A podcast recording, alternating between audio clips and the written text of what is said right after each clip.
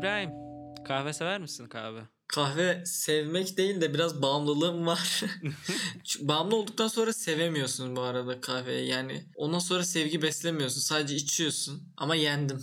Artık kahve bağımlısı değilim. Peki bu bağımlılığın işlevine mi tadına mı? İşlevine değil ya. Sanırım tadına. Bilmiyorum. Herhalde hayatımda böyle şeydi. Kahve bağımlısı olduğum dönem bir zararlı alışkanlığın pençesini düşme dönemindeydim. Helal olsun bana sigara yerine kahve bağımlısı olmuşum yani. Kötünün iyisini seçmişsin.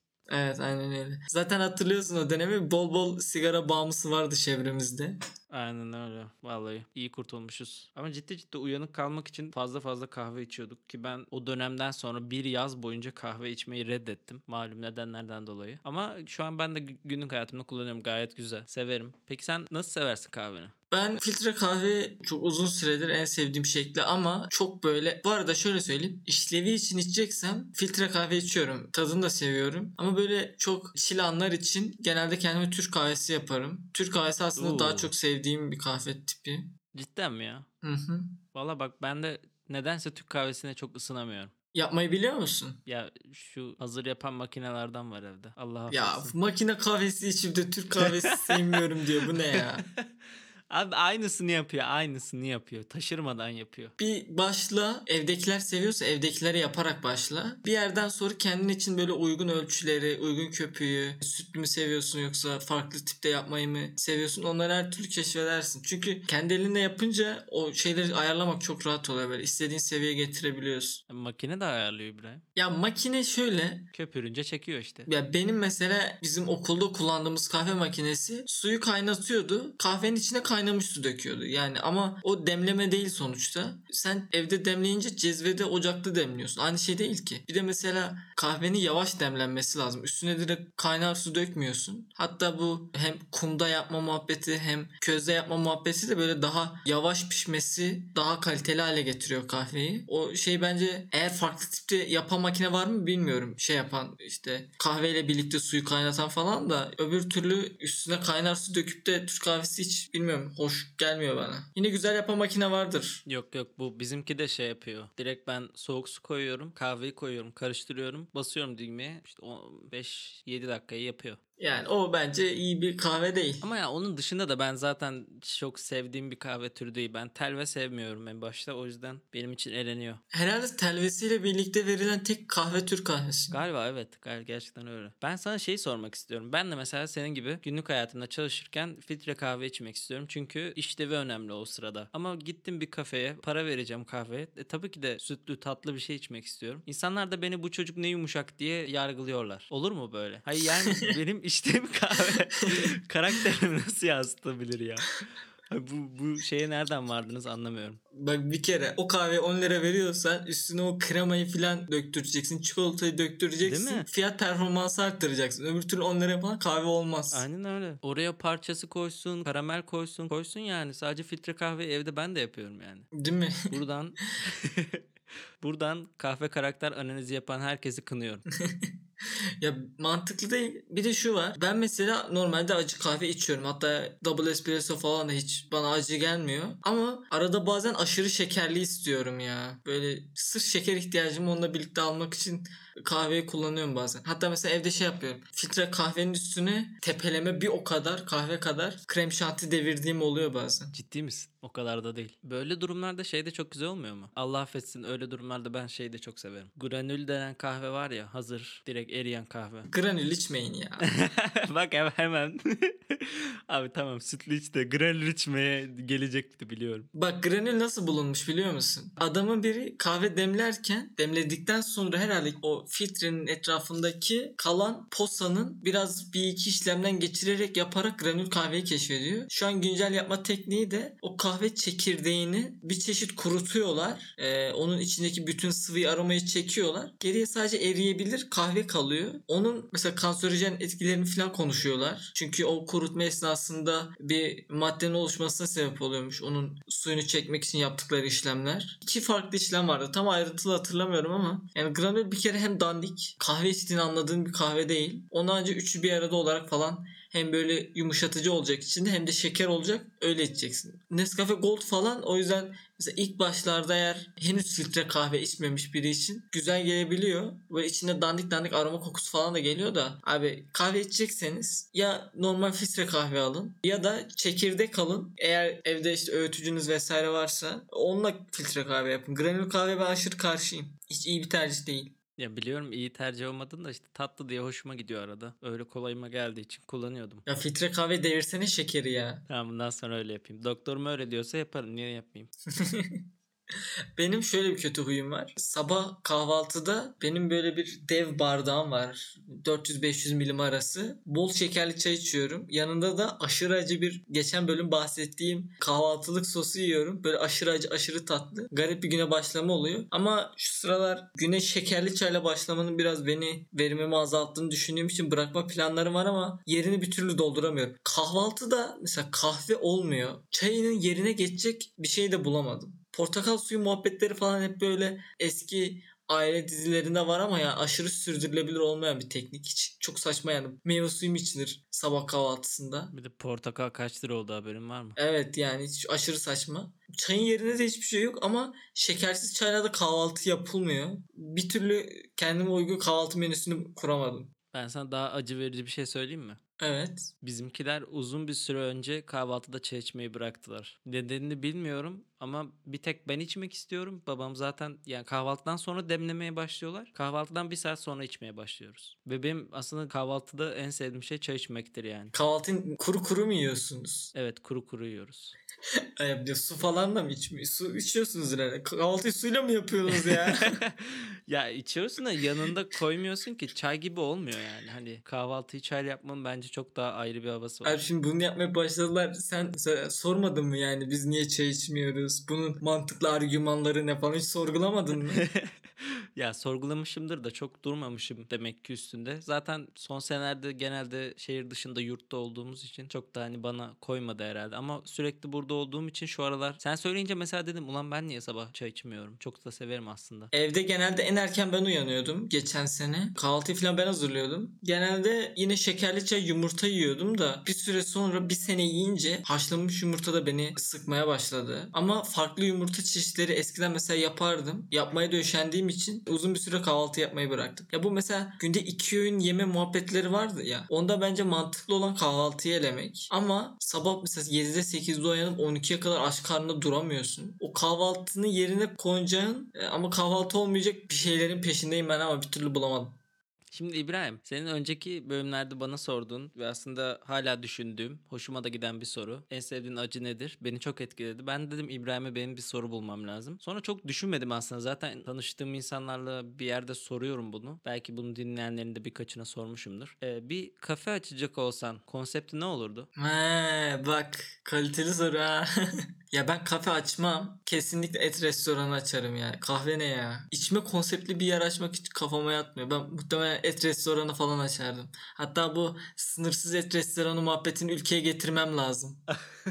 Senin içinde kalmış ya bu et muhabbeti. Yani olabilir. Resmen parayı bulunca ilk yapacağın şey et yemek olacak herhalde. Her gün et yemek.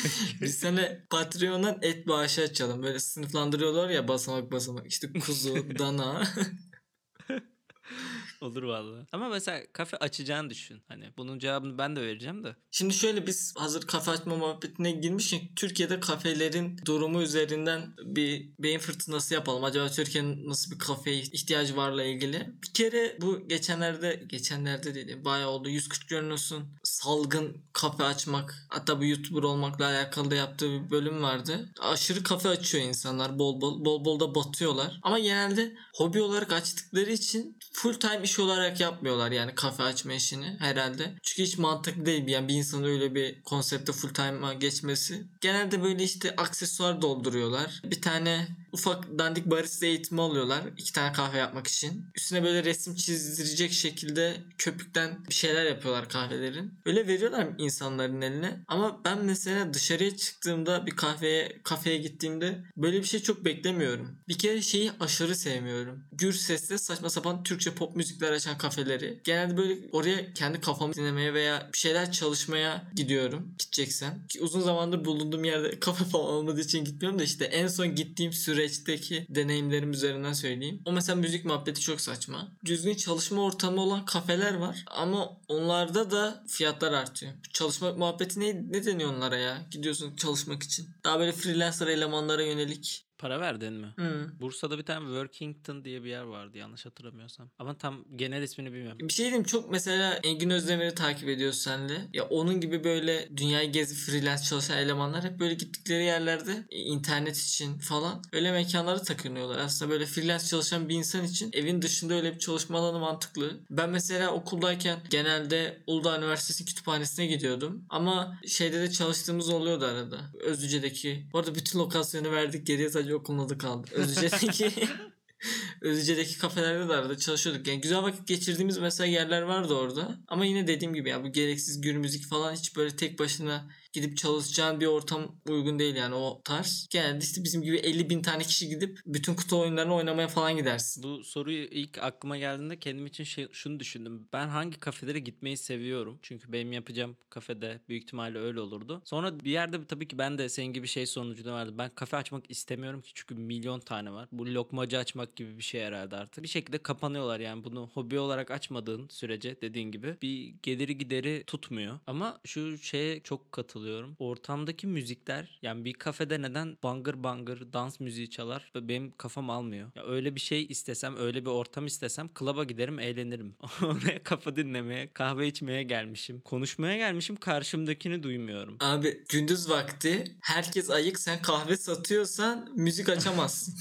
Çok saçma bir durum oluyor. Bunun dışında dediğim gibi benim de açıkçası böyle bir kafe açma gibi bir isteğim yok ama bunu kime sorsam herkesin kafasında bir şey var biliyor musun? Herkes böyle eminim şu an dinleyen de düşünmüştür kafasında bir şey canlanıyor insanların kafasında. Bu da ilgimi çekiyor açıkçası. Ben de insanlar üzerinde bir test olsun diye hatırladıkça sormaya çalışıyorum. Nasıl şeyler geldi sana? Fikirler? Çok böyle efsane bir şey duymadım ya. Genelde insanlar gerçekten sakin kitaplı yerler istiyorlar genelde. Mesela bak Yalova'da bir adet Haf diye bir kafe var. Reklam değil bu kesinlikle. Benim gittiğim herhalde en ilginç kafeydi çünkü hapishane temalı. Bildiğin dışarıda balkonları var ama korkuluk gibi. İçerideki koltuklar, duvarlar zaten boyanmamış hapishane gibi olması için. Bazı yerlerden borular çıkıyor falan. İçeride bir korkuluklu alan var fotoğraf çekinebilmen için. Çok da mantıklı çünkü duvarları boyamalarına gerek kalmamış. Yani giderden de kısmışlar. İş çözmüşler aslında. Bayağı hoşuma gitmişti ya. Hani farklı bir yerdeymiş gibi hissettirmişti. Keşke böyle birine sorsam da böyle bir şey istiyorum falan dese. Kafelerde iç mekana nasıl gereksiz para harcıyorlar ya. Ben gerçekten düz böyle bir tık rahat bir sandalye, bir tık rahat bir masa ama mesela şekilli olmasına gerek yok. Kaliteli içecek. Bir de kafelerde şöyle bir olay var. Asla güzel yiyecek vermiyorlar. Mesela uzun bir saat geçireceksen bir kafede acıkıyorsun ama genelde aşırı maliyetli ama performans aşırı düşük e, yemekler oluyor. Atıştırmalıklar oluyor. Mesela onun da bir tık daha iyi olması Türkiye'de lazım. Bu kadar. Bizim burada mesela bir kafe var. Kafe aynı zamanda lokanta. Lo- lokanta dediğim bayağı paça çorbası içebiliyorsun, döner yiyebiliyorsun, kebap yiyebiliyorsun. Ama kafe özelliği Çok de hem var. duyuyorsun hem içiyorsun. Bir de mesela ben kafe deyince arada aklıma şu da geliyor. Bildiğin kıraathaneler de acaba kafe konseptinde sayılır mı? Yaşlılar için, emekli erkekler için ne dersek diyelim. Bence sayılmaz. Neden? Çünkü burada hala çay 75 kuruş. Hala ahşap iskemlede oturuyorlar. Dandik masa kullanıyorlar küçük. Şekerler hala kesme. Böyle Erzurumlular bilir. Böyle uzun şekerler olur. Onu kerpetenle böyle kesip küçük parçalara ayırırlar. Ondan 3 tane dandik bir şekerlik oluyor. Onu çayın üstüne koyup getiriyorlar. Hala onda içiyorsun. Hala aşırı kalitesiz oralet falan var. Fiyat performans aşırı yüksek. Yani dibine kadar fiyatın karşılığını veriyorlar sana.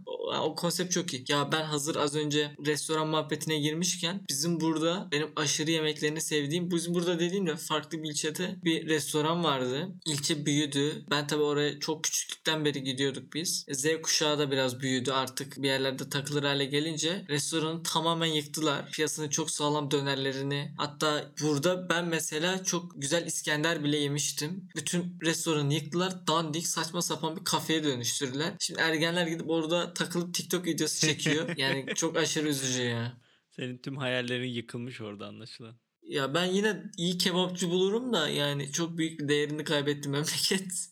Peki sence insanlar neden kafe açmak istiyor? Ya bu benim bazı beyaz yaka dangalaklığı dediğim mevzular var. Artık bu beyaz yakalıktan çıkıp kendi işimi kuracağım falan filan muhabbetlerine girince insanların aklına ilk böyle şeyler geliyor herhalde. Şey düşünüyorlar böyle işte çok konsept bir kafe açacaklar. Instagram hesabı açacaklar. Oradan çok ilgisini çekecekler milleti. Millet de oraya fotoğraf çekmeye gelecek falan diye düşünüp muhtemelen beyaz yakalı hareketi bu yani. Hiç şey hareketi gibi durmuyor. Kafası çalışan insan hareketi. Bu kadar beyaz yakalıları gömleyeyim daha çok bölüm çekeriz biz.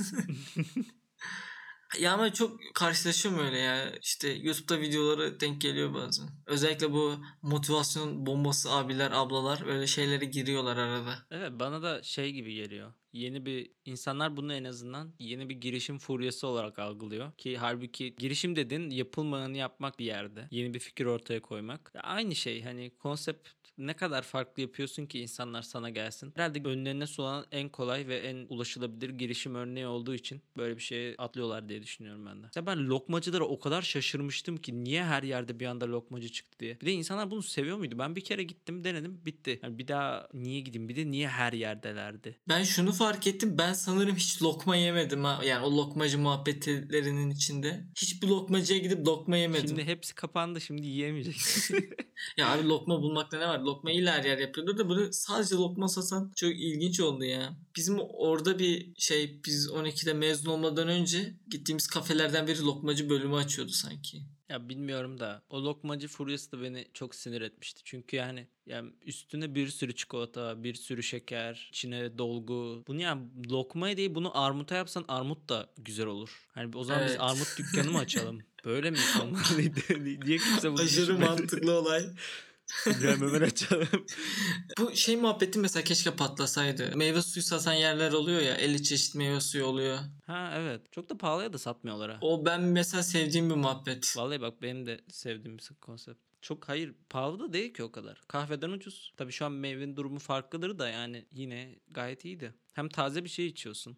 E tabii canım. Ya bence aşırı mantıklı olay buydu da işte tutmadı maalesef. Evet İbrahim bence artık bölümümüzün sonuna gelelim. Bölümümüzün tavsiyesini yapmak ister misin? Yapayım. Şu sıralar elimde. Bu arada benim şu Türkiye'de en sevdiğim, güzel işlerini beğendiğim, çoğu yeni çıkan kitabını direkt listeme aldığım, yavaş yavaş da kütüphaneme eklediğim bir yayın evi var. Kronik yayınları ile ilgili olan birçok kişinin takip ettiği bir yayın evidir ama son zamanlarda tarihin dışında da çok güzel kitaplar çıkarıyorlar. Hatta geçenlerde bu otonom robotlarla alakalı çıkardığı bir kitap vardı. Onu da henüz okumadım ama en kısa zamanda edinip okumayı düşünüyorum. Ben bu hafta Emrah Safa Gürkan'ın Bunu Herkes Bilir isimli kitabını okuyorum. Bu kitap YouTube'da Flu TV'de sonra da Pena'da yaptığı programların içeriğinin kitaplaşmış hali aslında. Yani aynı içerik değil ama benzer konular yakın dillerle anlatılıyor. Tarih hocası Emrah Safa Gürkan ama işte Halil İnalcık Ortaylı'dan sonra bir tık daha popüler tarih dilinin en böyle geldiği güzel noktalardan biri yazdığı kitaplar. Bunu önereyim ben